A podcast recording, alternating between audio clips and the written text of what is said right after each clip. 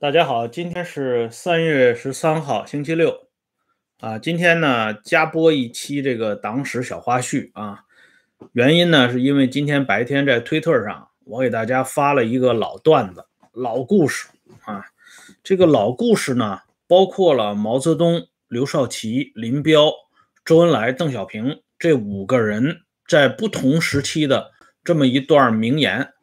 把这五个名言放在一起看，这么一个合订本儿，由此呢，我们就想到两位历史名人的两句名言，一个呢是孔夫子在《论语》当中说过的一句名言，还有一个呢就是戈培尔的另外一句名言。那么现在呢，我先给大家说一下这五位党和国家领导人他们在不同的历史时期说过哪五句名言。这名言呢，我发到推特上，有的朋友啊，这个表示喜欢，但是呢，我看了一下啊，他们多数呢没理解我发这个名人名言的意思啊，在什么地方？这毛泽东呢，在一九六二年七千人大会的时候说过这样一句话，他说：“三天不学习，赶不上刘少奇。”这少奇同志听了这个主席的夸奖之后呢，非常激动。啊，他马上做了一个回应，他说：“一天不用功，赶不上毛泽东。”啊，这既反映了少奇的这种谦虚谨慎的作风，同时呢，也表达了他对伟大领袖的无限的热爱和深情。可是呢，我们也知道啊，这也没挡住刘少奇死在这个开封的地下室啊。那么之后呢，这林彪啊。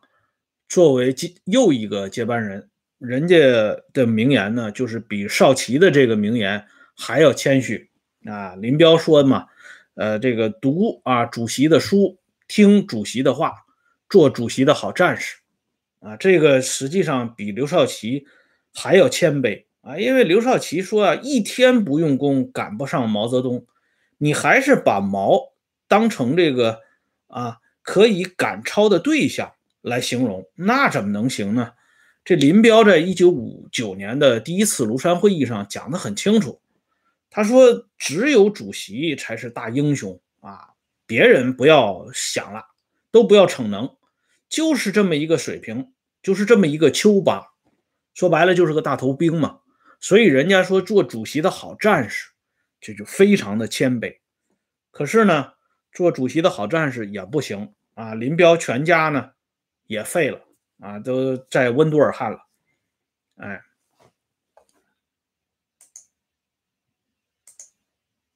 那么接下来呢，我们再来看咱们的恩来同志啊，恩来同志的这发言呢，就说学到老啊，活到老，学到老，改造到老啊。这恩来同志啊，就是比这个。林彪比刘少奇更谦卑。什么人才能改造到老呢？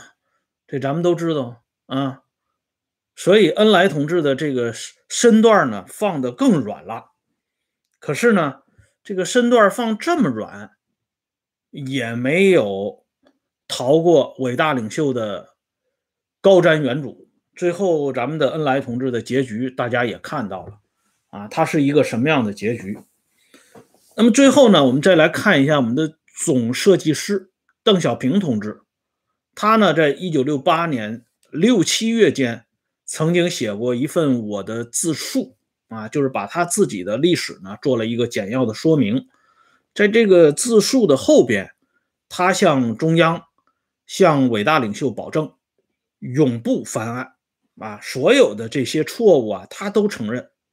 到了一九七二年，他给伟大领袖又写了一封信，在这封信里边呢，再一次向伟大领袖确认说，一九六八年六七月间他写的我的自述自述当中的啊所做出的承诺和保证，就是永不翻案，仍然有效啊。所以这个小平同志的名言就是永不翻案。这样一看呢，啊，这里边实际上。最最谦卑的就是咱们的小平同志，因为只有啊犯罪嫌疑人才会向这个公安机关或者向专政机关做出这样的保证，就是绝不上诉，绝不翻案。永不翻案其实就是永不上诉嘛，就是这个意思。但实际上，最后我们看一下啊，刘少奇不行了，啊，林彪不行了，恩来同志呢也没玩过，也没玩过去，只有咱们的小平同志，最后成了中国人民改革开放事业的总设计师。啊，实际上呢，我们再看从另外一个角度再看一下，也很有意思啊。这当初呢，在一九四九年的时候，江青到莫斯科啊去去给斯大林祝寿的时候，刘少奇出于好心啊提醒江青，因为斯大林同志呢是中国人民的啊，可以说是中国人民最最尊敬的革命导师。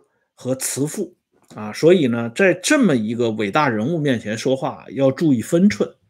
刘少奇是出于同志之间的这种关爱啊，才向江青做这么个提醒。但是江青非常生气啊，江青呢对他身边的翻译林立啊，就是林老林伯渠的女儿说过，他说刘少奇啊，他的老婆是个什么东西？他有什么资格来提醒我，来教训我？这个。江青非常生气，所以后来刘少奇的这个结局大家也看到了。林彪呢对江青也不是特别恭敬啊。这张云生在《毛家湾纪实》里边就回忆，这江青跟这个林彪之间呢发生过一次重要的冲突。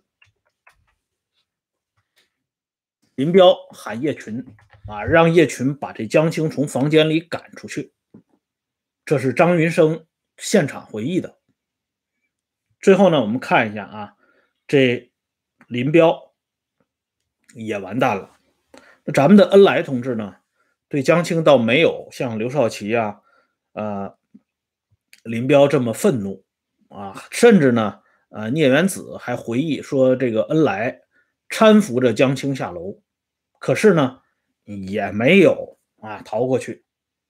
咱们的小平同志最厉害啊，直接把这江青给弄到这个审判席上去了。所以从这个例子里边啊，我们就可以看到，啊，说永不翻案的人，最终呢，人家上位了。这样呢，就让我们想到了啊，当年这个一段历史，这个隋朝历史上。啊，当时高丽王国有一个统治者叫高原，他的爵位呢叫阴阳王。他在位期间正好是隋朝的隋文帝杨坚，啊，这杨坚对这个高丽国呢就不放心，这高原也是不甘心向杨坚俯首称臣，所以这杨坚就派军队去打这个高原。这高原知道隋王朝。势力很强大，他一时呢又对付不了这杨坚，于是呢他就给杨坚写了一封信，非常非常的谦卑，落款的处啊落款的时候自称是辽东粪土臣，这个称呼很厉害啊，我给大家打一下啊，辽东粪土臣什么意思啊？那就是在辽沈大地上的一小块啊肥料而已。人家这么谦卑，所以隋文帝一想呢，大人不计小人过啊，就把这高原给放过了。等到隋文帝走了以后，那么隋炀帝杨广上位之后，他对这个高原进一步的进行打击。高原呢，还是跟这个隋炀帝进行周旋，周旋来周旋去。等到高原去世的时候，这隋王朝也已经离这个嗝屁啊不远了。高原是死于公元六百一十八年啊，所以大家看一下，这么一个辽东粪土臣高原，把这个大隋王朝的两代皇帝玩在手掌心里。而且恰恰是隋炀帝对高丽国的征伐啊，导致了天下大乱的序曲。哎，所以咱们就一下子啊想到那个戈培尔的一句名言，这个名言很有意思啊。戈培尔曾经说过这样的话，他说呢，如果撒谎，就撒一个弥天大谎啊，因为弥天大谎往往具有某种可信的力量，因为老百姓呢自己啊也经常撒一些小谎言。而且以老百姓自己的这个呃感知和认知，他认为自己撒这个小谎就已经不得了了，骗过了周围的朋友啊，周围的这些人，他不敢相信还会有一个更大的谎言摆在那里。所以戈培尔后来解释啊，他说这种谎言啊，这种弥天大谎，是人们从来没有设想过，根本没有想过。也不可能有谁敢这么厚颜无耻的歪曲事实，极其荒唐的谎言往往能产生效果，甚至在他已经被证明之后，很多人还深陷其中。哎，这是戈培尔说的这么一句名言。那么我们再来看孔夫子啊，也说过一句名言，他在《论语》当中说过这样一句话：“巧言令色。”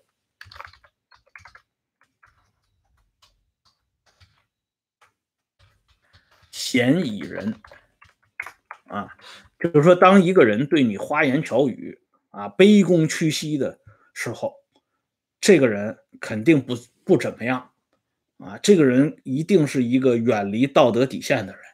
所以，对这样的语言，对这样的人的神情，包括对这样的人都应该保持足够的警惕。